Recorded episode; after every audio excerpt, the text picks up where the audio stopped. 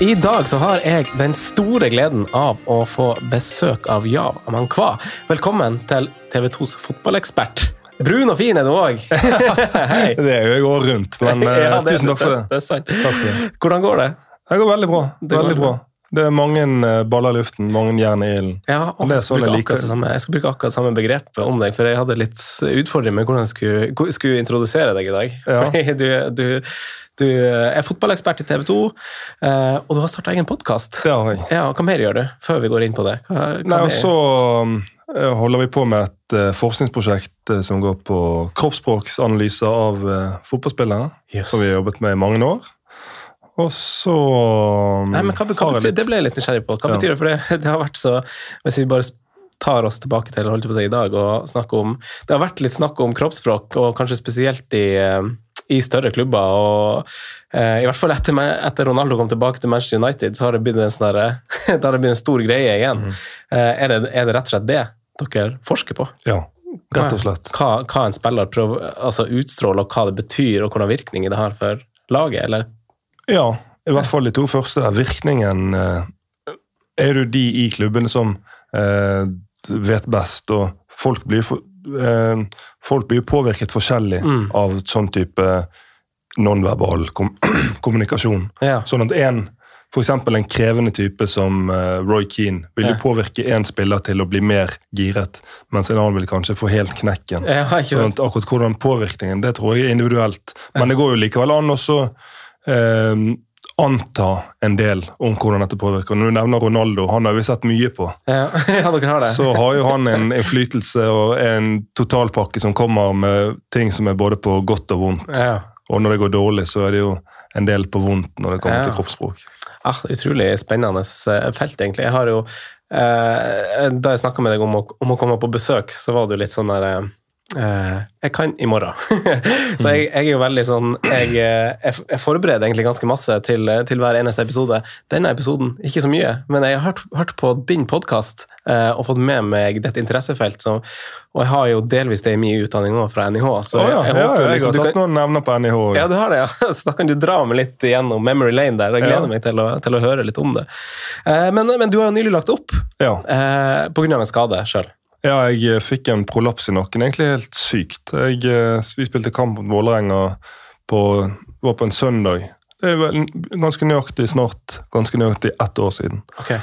Kjente meg helt fin toppform. Vi tapte jo, men så trening, restitusjon mandag, og så trening onsdag.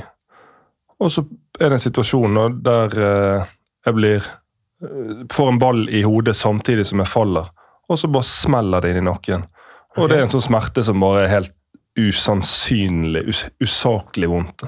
Jeg klarer så vidt, altså jeg klarer ikke å få- av meg genseren, jeg klarer ikke å og så går det noen dager så får jeg kommet meg på MR, og så viser jeg stor prolaps i nakken. og så er det jo sånn, De vil jo helst ikke operere det, Nei. så jeg måtte gå i tre måneder med sånn strålende smerter ut i armer og skuldre.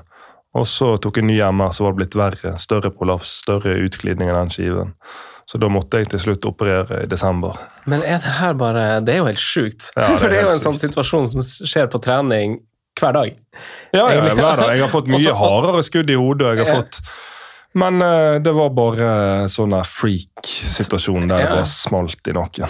Fytti gata, det er jo helt sjukt. Ja. Men du har vært, du har vært skada før, og jeg hørte, hørte din episode med, med, med Emil Bohinen. Mm. Helt King Kong-episode. Og det minner meg litt om episoden jeg hadde med Christian Thorstvedt òg. Eh, og begge de snakker litt, og begge har jo gått litt uvante veier fra å være litt andre rekke i Stabæk, og så har det, har det gått som det har gått. Men eh, du har jo også en litt, en litt artig vei, fordi du eh, var jo litt på vei opp og fram, og så skada du deg. Så, for du røyk korsbåndet. Ja, Ja. var korsbåndet når jeg spilte i Sandefjord 2015. Ja. Og var egentlig i supergod form. og ja, og så smalt det, da. Ja. Og da hadde jeg bare under et halvt år igjen av kontrakten. Og et sånn opptrening etter korsbånd tar jo minimum ni måneder. Ja. Så da sto jeg etter hvert uten kontrakt og uten kne. så det var ikke noen ideell situasjon overhodet. ja, hvordan løste du det? Nei, hvordan løste jeg det? Jeg gikk jo klubbløs. Eh, tren, begynte å trene litt med Sandefjord før jeg var helt frisk, men de måtte jo ha inn en stopper som var kampklar, og det var jo ikke jeg. Mm. Så da var det jo ingen muligheter der, og så var det jo ingen klubber verken i Eliteserien eller til og med på Obos-nivå som var interessert i en spiller som var i den situasjonen jeg var skademessig. Mm. Men så fikk jeg tilbud fra FK Tønsberg, som nettopp hadde rykket opp til andredivisjon fra tredjedivisjon. Eneste tilbud, tilbudet du fikk? Eneste tilbudet jeg hadde. Ja, Eh, bare sånn Men det. var ikke for at jeg skulle kunne få en levelig lønn for meg på det tidspunktet, så måtte jeg gjøre oppgaver i tillegg. Mm. Så da jobbet jeg som såkalt markedskoordinator. Okay. Rett og slett bare selger i klubben. Ja. Åtte til fire hver dag, og så var det rett ned på trening halv fem. Ja. Heldigvis var kontoret på, samme, på stadion. Ja. så der var du et år, og så var det Danmark? Ja. Ja. Hvor, da, det, hvorfor ble det akkurat Danmark? Nei, det var pga. min gode venn Pål Kirkevold. ja, Han riktig. spilte der. Ja. Og så trengte de stopper. De hadde mm, ja, en dårlig stoppersituasjon. Mm. Og så springte han og bare du, 'Kanskje du kom bort her, da? Nå har jo du fått trent deg opp igjen.' Og, for da var jeg på vei til å komme tilbake igjen til full, ja. uh, full på full maskin. og For da hadde jeg fått en sesong i andre, og det, og det var egentlig perfekt for meg det året i Tønsberg. For da Mm. fikk jeg ta den, uh, det comeback i mitt tempo. Mm. Med å spille kamper på et litt lavere nivå, litt lavere tempo, sånn at kneet kunne tilpasse seg igjen. Mm. 'Kanskje du kommer hit?' og spurte han. 'Jo, jeg kommer gjerne', jeg. Mm. Og så spilte han meg inn, og så fikk jeg et prøvespill. Så kan jeg huske jeg kom på først, første trening i Danmark. Og da hadde jeg bare bestemt meg for at nå har jeg fått en mulighet som er egentlig altså 28 år gammel spiller som Mm. kommer fra norsk. Og vi hadde rykket ned med FK Tønsberg til tredjedivisjon igjen. ja, riktig. Så dette er en mulighet som egentlig er usannsynlig. Mm. Så nå skal jeg bare makse totalt. Jeg skal gjøre alt optimalt. Ja. Og så kom jeg bort der, og så første treningen så hadde jo ikke treneren For det, det var òg treneren i den klubben, Thomas Thomasberg, siden første trening. Ja. Han har nettopp tatt over. Og han hadde ikke blitt informert om at det skulle komme en prøvespiller fra Norge. Så han hadde ikke peiling på hvorfor jeg var der, eller hvem jeg var. Altså, så kjedelig å være deg, da. Og så fikk han beskjed om at jo, han her kommer fra norsk andredivisjon, han er 28. Ja. Så tror jeg han tenkte bare herregud. Ja. Men eh, så gjorde jeg godt inntrykk. Ti dager var jeg der på prøvespill. Ja, Spilte i treningskamp mot Aalborg. Gikk veldig bra. Jeg var selvfølgelig påskrudd. Så Ja. det ble et eventyr det der, Ja. i Danmark. Men hvordan, ja, hvorfor er det det? Hva, hva skiller livet i Danmark fra Norge som fotballspiller? Akkurat Hvorfor det ble et eventyr, hadde jo litt med situasjonen og omstendighetene når jeg kom dit. Sånn at jeg følte jo at Hvis jeg skal trekke store linjer, følte jo at jeg hadde vært død. død. Altså Ja. Fotballkarrieren var død. Jeg hadde vært død, jeg hadde sett døden rett i hvitøyet. Ja. Sett lyset i tunnelen. Ja. Og så plutselig så får jeg en sånn eh, livlinje igjen, Mm. og, og, og klare å gripe den. Og så, før jeg vet ordet av det For når jeg signerte, så var vi i dansk førstedivisjon. Mm. Så på det halvåret rykket vi opp til Superligaen. Mm. At da har jeg gått fra å rykke ned til tredjedivisjon med FK Tønsberg til å rykke opp til Superligaen Mm. på under seks måneder. Derfor jeg sier det er et eventyr. eh, For at, ja, det kunne egentlig ikke gått bedre. Nei. Helt prima. Men forskjellen på livet der, det første, første forskjellen var jo dette med språket. Ja. For det er veldig det, Jeg tror det er mye bedre å komme til et land der språkene er så ulikt at at det er så ulikt at du snakker engelsk, eller at du Men her er det jo sånn at jeg forstår jo alt de sier, Ja. men de forstår mye mindre av hva jeg Dansker er jo fryktelig på språk. ja. Er, det, er det sant? For jeg føler at det er vanskelig å forstå dansk fordi at de har sånn tempo i språket deres. Det er jo en kjent greie at det er greit å lese dansk, men når de snakker, så syns jeg det går for Ja, fort. nei, jeg forstår, men Ja. de forsto jo null av meg. Og, det, og i hvert fall da, sånn når du kommer, jeg, jeg føler jeg har litt glimt i litt humor og i garderobe, så, som ny spiller likevel, så prøver du å kjøre litt sånn jokes og sånn. Ja. Men det blir jo bare totalt fucket når det er litt sånn språkbarrierer. Ja. Sånn at det var jo noen ganger prøvde, og så forsvinner bare poengene i forvirring. Ja. Og så blir du seende ut som den største nissen. Sånn at, men i hvert fall da, så tenkte jeg på det med språk der borte. Fikk jeg en sånn enorm respekt for de som kommer til Norge Mm. med et annet språk. Mm. Og skal prøve å tilpasse seg til arbeidsliv, skole og disse tingene. Og så tenker man at han er kanskje beskjeden, eller han er sånn eller sånn. Mm. Han er ikke så morsom. Men man blir en annen person Mm. når språket legger begrensninger. Og så ble det jo selvfølgelig bedre etter hvert. Ja, ikke sant? Det er en fin erfaring, livserfaring. Eh, og så har du jo kommet tilbake hit og lagt opp og spilt i Stabæk og alt det. Og så, og så har du starta og fått øye opp for idrettspsykologi. Ja. Hvorfor det? Nei, det har jeg egentlig hatt lenge. Ja, Jeg ville si ti år pluss. ok. En fascinasjon for idrettspsykologi. Og så Men er hva det er det, da? Nei, Hvis du skal break it down. hvis jeg skal break it helt down istedenfor Ja, ja. å liksom kaste oss ut i teoribegreper og sånn. Ja, Så vil jeg si at. Idrettspsykologi handler om istandsettelse. Altså hvordan du klarer å stand, altså sette deg i en best mulig posisjon, i et best mulig utgangspunkt for å prestere i den idretten du driver med, fotball her, da, Mm. og for at ting skal bli sånn som du ønsker. Mm. Eh, ja, og så er det jo sånn som vi har snakket om motgang og skader. For meg ble jo den idrettspsykologen veldig viktig Mm. når du får en korsbåndskade, du får store skader, du tar ett steg frem og så hele tiden to tilbake igjen, Mm. så er du veldig veldig avhengig av hva du tenker. Mm. For Hvis du tenker feil tanker da, så er du ferdig. Mm. Så da er du veldig, sånn som for noe sånn som selvprat, Mm. hva du sier til deg sjøl. Da oppdaget jeg hvor viktig det var for meg for å klare å holde meg eh, på hesten. Mm. Ja, for du, da, da ser jo du sjøl at du har vært, vært litt nede i, i sumpa. og jeg husker en, en del av, Da jeg studerte det, så, så handler en del av det også om å snu de negative tankene til noe, til noe positivt. Og den jobbinga med seg sjøl. Men hvor, hvor, hvor føler du at man starter med det? Ja, det er det individuelt, og så syns jeg ofte det blir sånn overdreven fokus på å snu ting hele tiden. Du skal hele tiden tenke positivt. Jeg føler jo ofte det ligger veldig mye kraft i å bruke det mørket som alle mennesker har inni seg. Okay. Så jeg tenkte litt sånn sånn Nå har jeg fått sinnssykt dårlig kort på hånden med denne skaden her. Mm. Uh, men jeg skal bare være helt brutal i måten jeg responderer på dette. Ja. Fordi at det er så jævla vondt, og det er, det er å måtte løpe rundt her i Tønsberg, det er ydmykende. Og, og så skulle jeg se for meg at folk driver og ler av meg og snakker om at jeg er ferdig. Mm. Og Det brukte jeg som motivasjon for å komme tilbake igjen, eksempel. Men føler du at det handler litt om eh, personlighet og hvordan man er som person? For jeg føler jo at veldig mange vil eh, ville på en måte allerede ha innsett et nederlag i din posisjon. da, bare sånn, eh, og Du, du sier, sa selv at du på en måte så, så døden i hvitøyet der. og Mange vil kanskje bare ha gjort det, og ikke liksom søkt den muligheten i Danmark. Men nå har bare tenkt at ah, nå er det naturlig, nå er jeg 28, nå er liksom, det er en alvorlig skade, nå spilte jeg i andre divisjon, nå nå er det kanskje ikke noe mer, nå er jeg ferdig. Nå må jeg se etter andre muligheter. Men tror du det er veldig personlighetsavhengig, eller hva, hva tenker du? er det ble et Um, veldig åpent spørsmål. Ja, nei, jeg tror det. Jeg tror det. Jeg tror det er personlighetsavhengig. Mm. Men så tror jeg at alle eh, kan bli flinkere til å bli ve veldig bevisst på hvorfor de tenker som de gjør, og hvorfor de handler som de gjør. Mm. Si Hvis du gir opp i den situasjonen, Mm. så kan du stille spørsmålet hvorfor gir jeg opp her, Mm. og hvordan kommer det til å påvirke resten av mitt liv at jeg gir opp her. Mm. Hvis jeg blir en person som hele tiden gir opp, kommer jeg da til å få det livet jeg ønsker meg? Mm. Hvis svaret er nei, så er det kanskje lurt å prøve å tenke i andre baner. Mm. Og nå, eh, nå, skal du få, nå skal du få et slags utløp for det her i egen podkast, Fotballhodet. Jeg har som sagt bare hørt den første episoden, men du var bare ute et par eh, foreløpig. Tre episoder ute sånn. Ja, riktig. Er det gøy, eller? Ja, det er fantastisk gøy. Dette er jo en drøm eh, og en idé jeg har hatt i ja, tre år. Ja. Eh, og så kjøpte jeg inn eget utstyr, prøvde å gjøre det alene og oh, ja. hadde noen gjester, men det var mye vanskeligere enn jeg hadde trodd.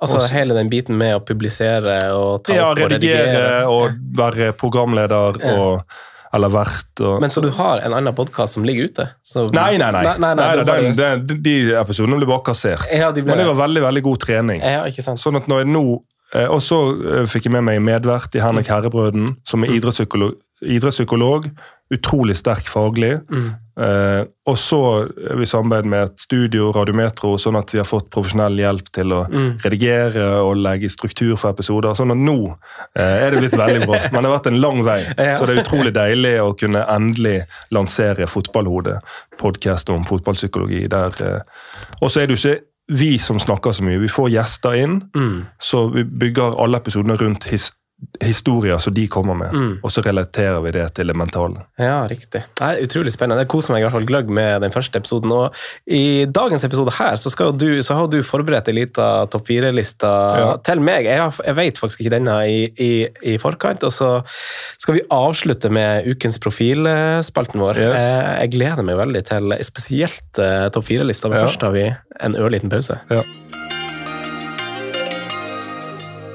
Dagens topp fire-lista skal eh, være forberedt av eh, min gjest Jav i dag. Og du, har, du, altså du fikk velge tema sjøl. Ja. Du, du er den første gjesten som har valgt tema sjøl. Oh. Eh, alle får liksom den muligheten. sånn, Har du innspill? Altså, sånn, du har kommet sånn Kanskje det, kanskje det, kanskje det. Jeg elsker jo sånne folk som, bare, som bare kommer og har egne tanker. Det er helt prima. Eh, men du har valgt eh, Du kan, du kan få se det sjøl, og så må du gjerne definere hvorfor du har valgt Ja, jeg har valgt fire spillere som jeg ser veldig opp til pga. deres eh, men, mentale egenskaper og personlighet. Mm. Og så vil jeg si at det er en topp fire-liste, for de har litt forskjellige egenskaper Ja, som jeg beundrer. Sånn, Ja, sånn at det er egentlig ikke rangert. Nei? Men det er en sånn eh, ja, varierte egenskaper, og så syns jeg måten de har de og bruker de, er bare noe som jeg eh, stum av beundring for. Ja, fytti katta. Da, du vet hva, da knekker vi bare i gang med Du hadde jo urangert liste, sa du, så Ja. du, du, du starter akkurat der du vil, og der du føler det er naturlig. Jeg er spent på det første. Er det en aktiv spiller? Eh, Førstemann er aktiv, men det ser ut som han begynner å nærme seg slutten nå. Det okay. så vi på mandag. Det så og det er James Milner. Det er James Milner, ja. Ja. ja, han, er han er eldre enn oss, han. Vi er Ja. 88 begge to. Stemmer. Ja. Da, på mandag mot United, da så han gammel ut. Ja. Men eh, han, han ser jo opp til og syns at han er synes Klopp snakker om mentality monsters. Og jeg syns han er det, for han setter en standard for en kultur. Og i garderoben, du ser det på alt han foretar seg. Du, de legger ut klipp av løpsøkter, og du ser hvordan han presser seg. Mm. Og så var jeg for å dekke eh, Uni- eh, Liverpool eh, mot United i vår på Anfield ja. altså forrige sesong, så sto vi der på indre bane etter kampen for å gjøre noen intervjuer med Jordan Henderson. Og så er det tre spillere som løper. Da hadde Milner fått ett minutt innhopp på overtid. ja. Eh, Han har jo hundrevis av kamper på toppnivå. og sånn. Og så ser du at de tar løp. Det er han og så to ung- unggutter. ja. Og så ser du bare måten Milner presser seg på disse løpene, og ligger en halv bane foran disse ungguttene. Men er det intervaller på Intervaller. Ja. På banen da etter kampen er ferdig. Ja. Og måten han presser seg og faller om, og så spretter rett opp igjen når han er ferdig. ja. Det bare sa meg noe om at Og han er gammel, han har opplevd mye. Han hadde ikke trengt å gjøre dette, men det bare sa meg om Tenk å ha en sånn person i, den, i en prestasjonskultur. Tenk hva han gjør for det. Og så så du nå på, mot United, når, på det målet til Sancho, Mm. der van Dijk bare ble stående som en Ja. tilskuer mens Miller sklei inn. Og så ser bare Legg merke til den utskjellingen som van Dijk da får etter kampen. ja. Og det det er liksom mot selveste òg. Ja, mot selveste guden van Dijk. Ja. Se hvordan Milner står oppe i trynet på og skriker han så fråden står. Ja. Du ser van Dijk bare krummer nakken og bare ber han eh, Altså, Ja. Han blir som en liten skolegutt. Men han samtykker litt forsiktig, for han erkjenner det litt. Ja, da, han erkjenner det, han erkjenner det, og det sier jo litt om hva standing Milner har òg. Sånn Mm. at eh, de små dryppene, de tingene jeg har sett av Milner, gjør at han kommer inn på den listen. Altså, sånne ting er jo egentlig altså Sånne personer er uhyre interessant, syns jeg. For hva- han kan være, kan være 37-ish, noe sånt. Å være Å holde på sånn i så mange år, å være så dedikert og ikke bli prega av rammen, utskiftelse og liksom hvordan andre Men også, ja, personer- og det er over så mange år. Ja, Altså, det er vel snakket om, jeg vet ikke om det er forsket på, men Petter Northug har jo sagt det der med at man klarer å holde det der sinnssyke fokuset i ti år som toppidrettsutøver. ja, Så går man tom for den type indre motivasjon og Ja. det fokuset. Mens Miller, han, det å ha en sånn person i en klubb, Mm. det gjør underverker for Mm. prestasjonskultur. ja for du, du var jo inne på det også i episoden med, med Emil, det her med indre, indre motivasjon og selvbestemmelsesteorien. Og, Ja. det. og jeg føler at sånne ting står sterkt, må stå sterkt i en sånn, i en sånn personlighet som han har. Eh, Hvor masse tror du han jeg vet ikke, jobber for det sjøl, da? Altså, han, Nei, det der med indre motivasjon tror jeg er avgjørende, sånn som Miller. Han er 37, han er mange, mange, mange millionær. ja, Han har uh, vunnet titler, han har Mm. vunnet ja, alt som er å vinne. Hvorfor skal han gidde? Jeg Mm. tror jeg utelukkende handler om indre motivasjon. mm, Og så er det sånn indre motivasjon, det er ikke alle som vet hva det er, men det, jeg syns det kan veldig kort forenkles som ting du hadde gjort gratis. ja. Og jeg tror hvis Milner hadde fått altså jeg tror Milner kunne gjort det han gjør, uten å få betalt. ja, ikke sant, for han får glede av det. Ja. Ja. Eh, men, men du som spiller, da, har du noen gang erfart og hatt eh, altså verdien av å ha en sånn spiller i en garderobe, i en treningsgruppe? Man skjønner jo på en måte at han synger på første vers i kvalitet, og med kampen du henviser til, så Mm. Skulle man kanskje også egentlig se ja. Så, så hva sa jeg først der? Ja. ikke sant? Det, Det er vanskelig å synge på første vers når du er 37. men, eh, men eh, men eh, har du erfart sånne spillere i Hvordan, Ja. hvordan tror Ja, hvem da? Nei, Vi hadde f.eks. en kaptein i Hobro i Danmark som heter Jonas Damborg. Ja. som var sånn som kom og var alltid påskrudd. Ja. Alltid profesjonell. Gjorde alltid sitt beste. Gjorde alltid forberedelsene. Mm. Eh, Overhodet ikke noe talentfull spiller, eller noe sånt, men sinnssykt pålitelig. Var alltid til stede hvis det var noe Når det kokte i kamper, Mm. og folk var helt i villrede, så så du alltid han holdt roen og så deg alltid rett i øynene. Ja. solid eh, fyr og stilte enorme krav. Mm. På samme måte som Milner. Kunne skjelle folk ut når det var på sin plass. Kunne legge eh, armen på skulderen til noen når det var på sin plass. Sånn at Å ha sånne typer i et miljø, det er altavgjørende. Men tror du det er, når vi kommer til den dagen hvor han kommer til å legge opp, Mm. tror du det er store sko å fylle for, for Liverpool å mis- miste den personligheten i, i garderoben og på treningsfeltet? For det gjør kanskje ikke nødvendigvis eh, så mye utover kvaliteten vi ser, eh, vi Nei, ser jeg på tror det er veldig sko, store sko å fylle, og da, håper, da vil jeg tro at Liverpool er så smart at de har planlagt litt frem i tid. sånn at Da har de kanskje fortsatt en Henderson som står for en del av de samme tingene. og Så eh, må de være tydelige med de unge spillerne som kommer opp, at de må ta større ansvar. Og som i scouting og rekruttering så er de kanskje på utkikk etter eh, ledertyper med lignende egen- egenskaper. Interessant. Utrolig bra første navn og god start, egentlig. Eh, neste spiller, er det en som er fortsatt aktiv? Eller har du bare aktive spillere på Eh, nei, to aktive, to eh, retired. Ah, fint, fint. er, er neste mann eller dame retired eller fortsatt aktiv? Fortsatt aktiv. Høyst aktiv, vil jeg Høyst si. aktiv. Få høre. Og det er en helt andre egenskaper enn Milner, men det er vår egen eh, Erling Braut Haaland. Ah, veldig bra. Og det som beundrer hos han, det er det at han er alltid påskrudd. Altså når du ser han spille, Det er nesten aldri du ser at han er flat, eller at du ser det kommer situasjoner der han ah, var litt for sein, han var ikke våken. Mm.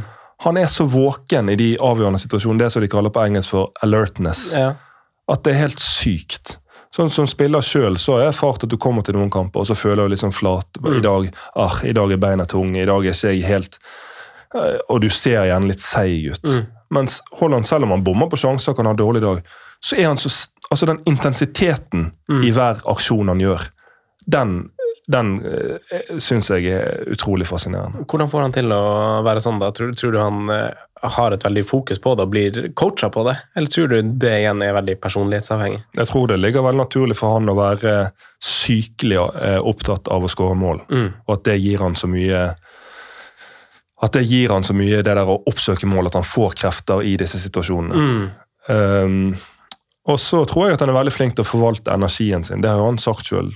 Alt fra å legge seg tidlig til å være sånn ekstremistisk Mm. med kosthold og disse tingene. Mm. Som gjør at han har mye energi Mm. når det teller. Mm. Har du, har du trua på at han eh, kommer til å bøtte mål i England, eller?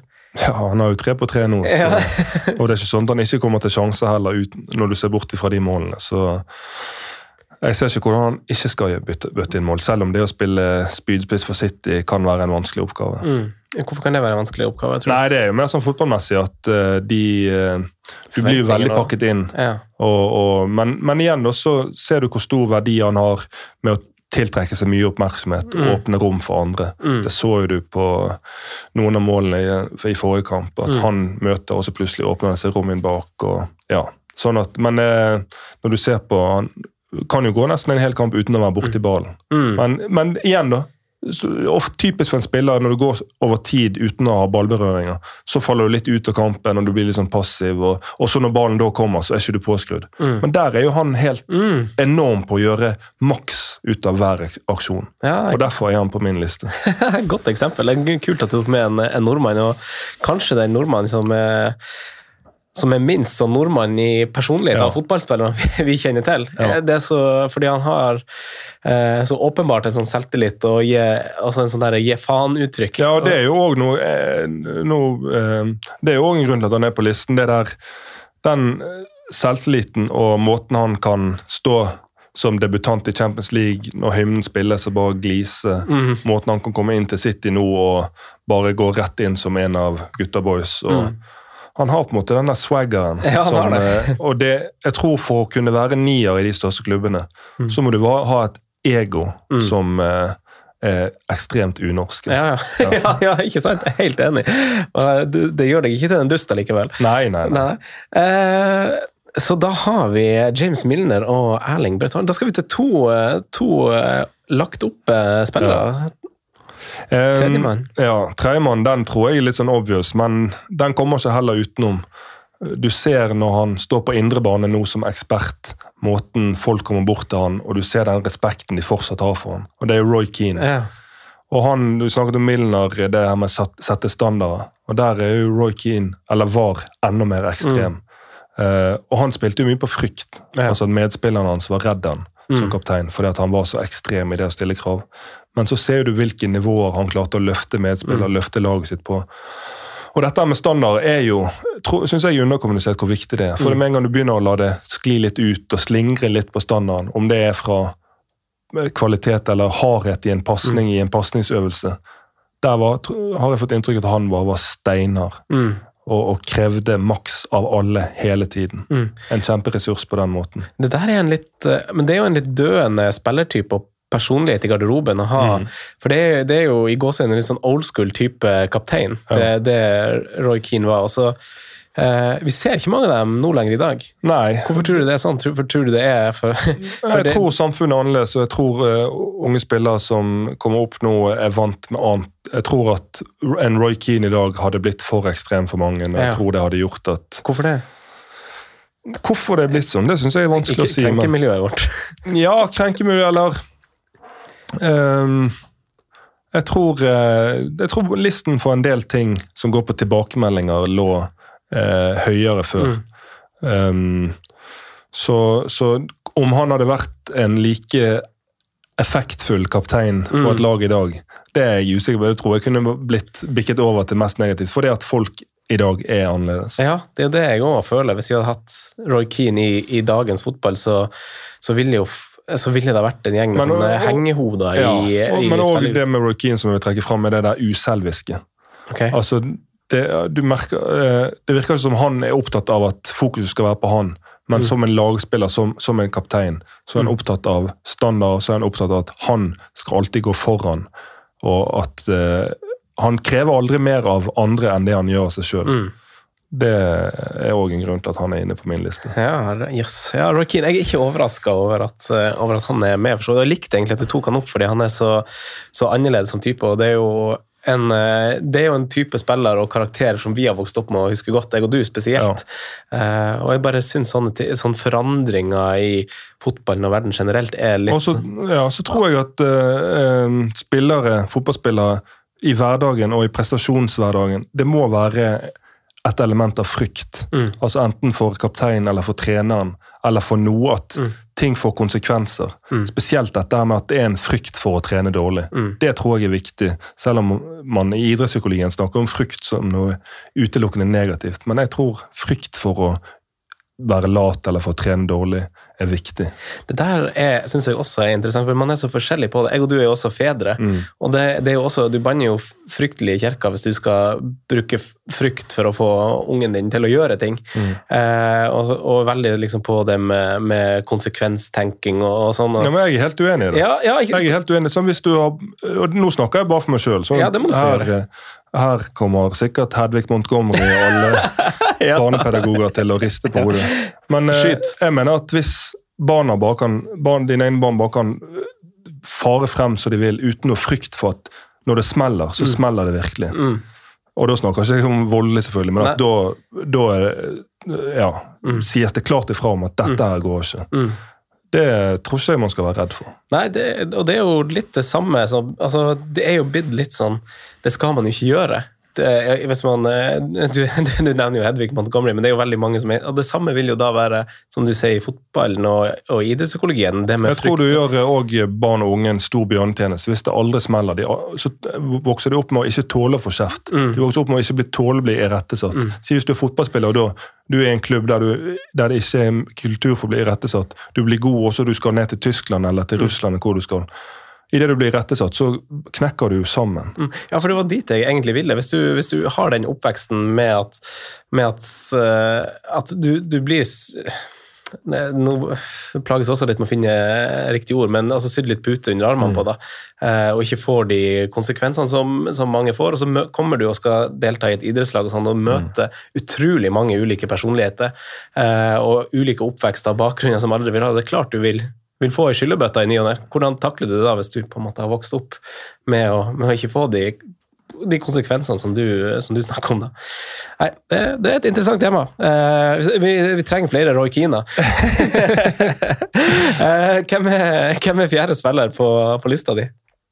En, den siste spilleren på listen det er en som uh, eh, kombinerer en sånn vinnerkynisme med glimt i øyet, med humør, sjarm, masse sjarm. Og så tror jeg han utstråler til medspillerne sine som veldig sånn ro, spesielt når det koker som mest. Om det er i turneringer, i finaler, Er vi tilbake på straffe Nei, alt sammen. Uansett. Hele pakken. Ja. Det er Chiellini. Å, jøss! du skulle fram til han! Ja. Ja. ja, for han har jo Jeg liker, liker at du dro fram at han har litt sånn glimt i øyet. For Han er sånn som kan blinke litt til deg og klype deg litt i rumpa. Og sånn. Akkurat sånn. ja. Ja. Sånn Han blander det skitne med det sjarmerende. Ja. Og bare, hvis du ser, sett mye video av um, Men er ikke han fortsatt aktiv? Spiller ikke han i USA? Jo, han spiller i USA, Ja. men ja, nå tenkte jeg på, på Nå siden vi snakket om det øverste nivået. ja. 100 greit. Eh, men eh, han, eh, han Når du Jeg har sett mye video av disse, sånn som Italia i EM når de vant i fjor. Mm.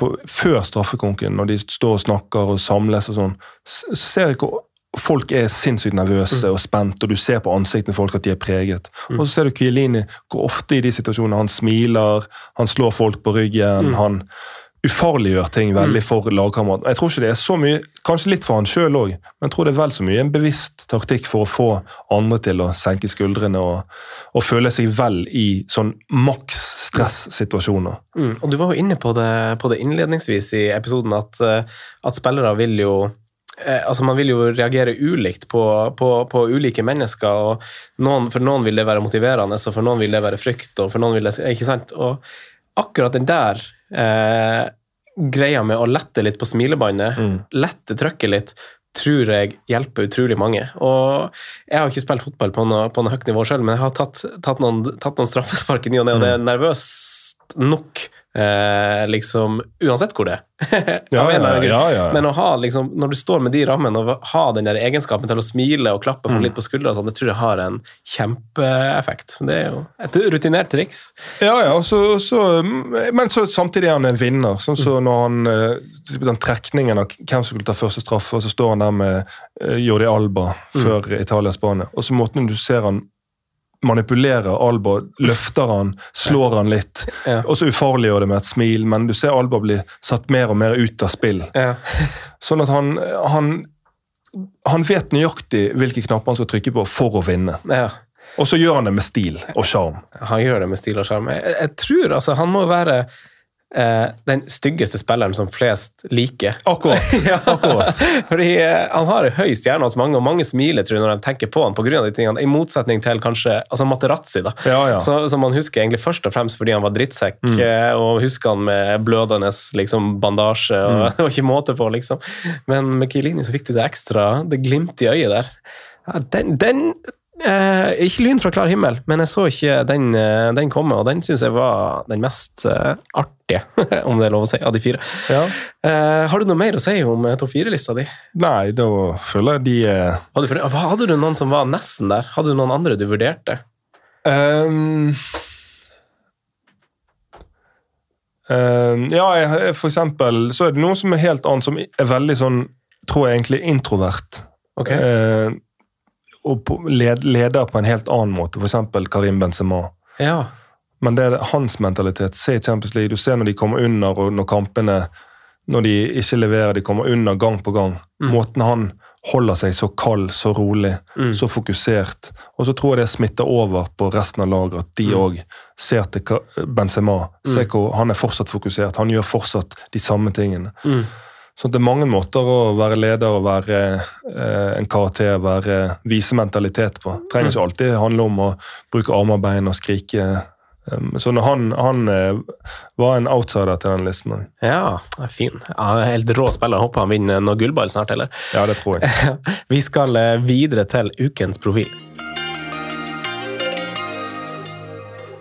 Før du skal få ta ordet på, på ukens profil, som du også har fått være med å bestemme, eh, jeg gleder meg til å høre om, om det, så vil jeg jo eh, fått, fått noen gode gode spørsmål og tilbakemeldinger. Det gjør sikkert også ja. deres på deres podkast på og hvem man burde ha som gjest. og sånn, så Jeg får det jo på Twitter eller på Instagram, og sånn, så jeg vil bare oppmuntre lyttere til å bare komme med gjesteforslag til interessante fotballpersonligheter, akkurat som deg.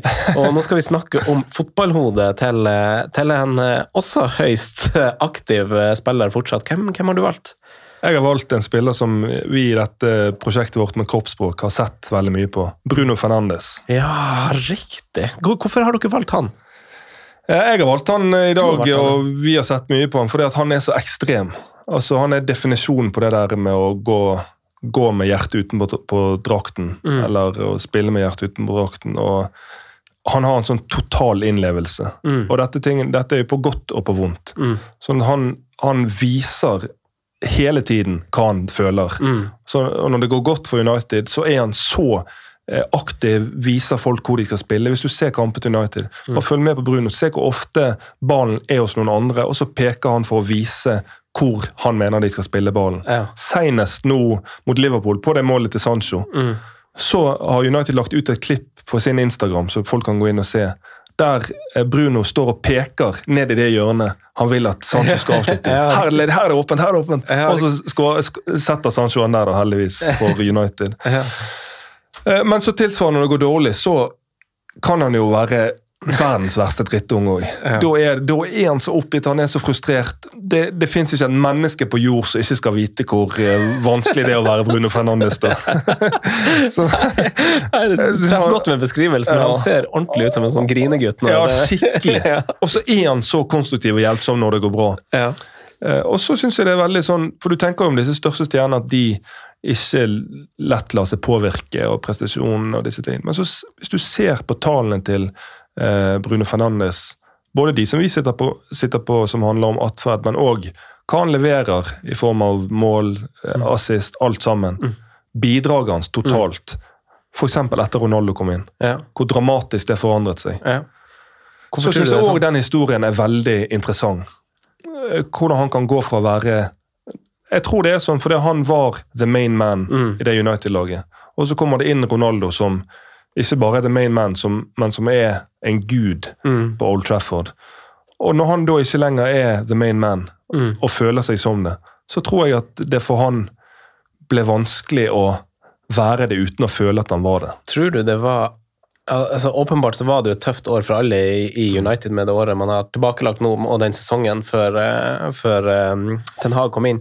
Uh, så får vi se hvordan det går. Men uansett, tror du det året ha, altså, hadde vært tøft for Bruno Fernandes på en måte uansett, fordi at han eh, han var, som du sier, the main man, og så ble han ikke det lenger. Og det ville han jo liksom uansett ikke ha vært, uansett, uavhengig av hvordan United gjorde det, og Mm. Ronaldo skulle ha vært spydspissen og Mm. stjernespilleren. og sånn, Tror du det å falle i skyggen ville ha gjort eh, altså Satt en demper på hans eh, trivsel i United, da?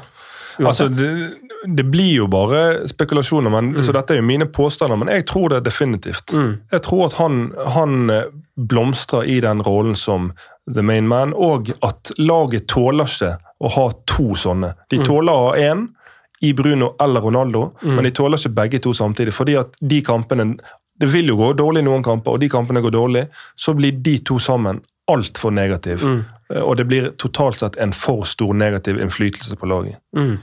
Hvor, hvor mange eh, Sorry, nå, skifter jeg bitte litt tema, vi skal Mm. tilbake til Bruno Fernandes. Men hvor mange spillere er det du har i en sånn forskningsstudie, og hva er det dere, hva er det dere ser på? For Du nevnte, Ja, at, du, gjort du eh, nevnte at dere hadde noen Ja, punkter. nå har vi gjort uh, en, uh, et utsnitt av én kamp av alle lagene i Premier League, herrer og kvinner. Ok.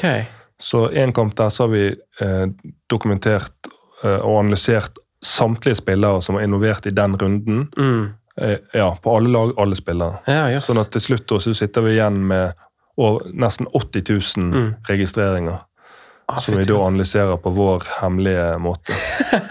hvem, er, hvem, er, hvem er de mest interessante hittil? Nei, Bruno Fernandes er jo definitivt Ja. eh, høyt der oppe. Ja. Og så eh, har du, altså, du har jo noen som er, ligger ekstremt høyt i, i forhold til antall registreringer, sånn Mm. som uh, han Pierre Mild Høiberg. ja.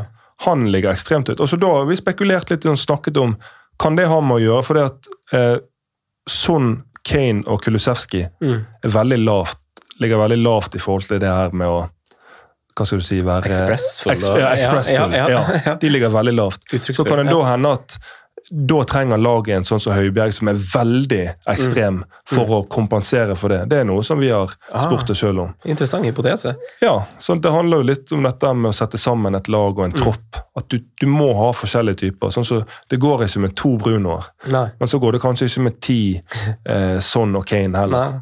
Nei, Nei for jeg, jo, jeg er jo Arsenal-supporter. og Jeg har jo altså, i- i gjeng sånn mening i Arsenal-gruppa så har det jo en lang periode vært litt sånn der eh, at man har mangla visse karakterer. Mm. Eh, fordi at det har vært veldig masse I hvert fall fra, fra et supportersynspunkt, så er det jo alltid dypere enn det. da. Eh, vi skraper jo bare i overflata. Men eh, eh, at, man, at det er veldig like personligheter, det er veldig lik kvalitet. det er litt sånn du mangler Mange vil si da Tony Adams eller Henry, da, for den saks skyld. At du mangler det der eh, personligheten. En viss dynamikk mellom Ja. komplementære personlighetstyper. Akkurat som du vil ha en komplementære spillertyper, Mm. så tror jeg det er viktig med komplementære personlighetstyper. ja. Og sånn som for eksempel, En gjest i podkasten som er speideren til Molde, Jon Vik, Ja.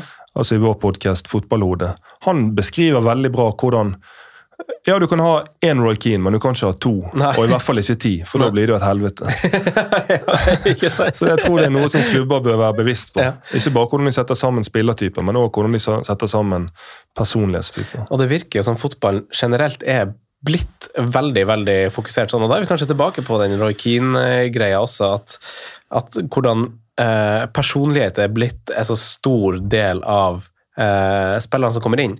Jeg blir litt sånn sur eh, hver gang jeg ser at folk eh, bare sitter og mener at Arsenal burde kjøpe han, burde hente han, burde hente han, og så sitter jo egentlig et ekspertpanel som vet 10 000 ganger mer enn oss som har en albuearm nedi i Mårud-posen der og sitter og mener på sofaen. Eh, så, så det er jo liksom så mye mer enn øyet kan se eh, i rekruttering av spillere nå, føler jeg. Ja, ja, det er definitivt. Det er jo der vi ønsker å være. Ja. Å kunne bli en kapasitet som kan rett og slett hjelpe store klubber å ta bedre avgjørelser. Mm. På å treffe bedre på typer. Ja, og der føler jeg også, så, så tilbake til spilleren din, Bruno Fernandes, liksom som jeg visste ganske lite om. Han hadde en rar, rar vei i Italia, Portugal, og litt sånn, litt sånn her, hvor, hvor, hva er det egentlig du holdt på med? Og, eh, da trodde jeg jo man fikk en veldig sånn tierspiller som var litt sånn der eh, hva man skal si, det en litt sånn teknisk begava spiller, og det er han jo sikkert, men han er jo rå. Ja, ja. Altså, du ser det veldig på kroppsspråk, som du antyder, og du ser det, ser det veldig liksom på hvor mye han prøver og feiler, og hvor mye han springer. og sånn, at Det er jo det er jo en totalpakke der av en spiller som, eh, som, eh, som var noe helt annet enn hva jeg så for meg da han ble signert, i hvert fall. ja helt enig. Jeg tenkte òg litt i samme bane. Mm. Når du da sitter og studerer han, Mm. kun han, Mm. i kamp etter kamp, og ser alt fra returløp til Mm. hvor mye han bare involverer seg. Mm. Tilstedeværelsen. Og det er som jeg sier, med en sånn total altoppslukende Mm. innlevelse. Mm. Syns jeg er veldig Ja, fascinerende. det, det er artig. Man må ha noen som har de følelsene utpå, for det skaper også litt diskusjon. og sånn, det er fint Ja. å ha. Eh, du, Tusen takk for at du, du kom på besøk, og ønsker deg lykke til med både podkast og jobb. og Du skal av gårde nå på noen store greier, skal du ikke det? Jo, neste uke er det fullt kjør med Deadline Day-sending. Norge, Deadline Day-sending Europa, altså Ja. så pluss, pluss. eh, Så, men eh, ja, tusen takk for meg. Og så vil jeg oppfordre alle som syns det har vært interessant til å høre på podkasten Fotballhodet. Ja. Ligger ute Spotify, Apple Podcast, der du finner podcaster. Helt Der kommer det ukentlig nye episoder. Ja, dere slipper hver uke. Ja, Helt prima. helt prima. Du, Da snakkes vi ved senere anledning. det gjør vi. Ha det. Ha det.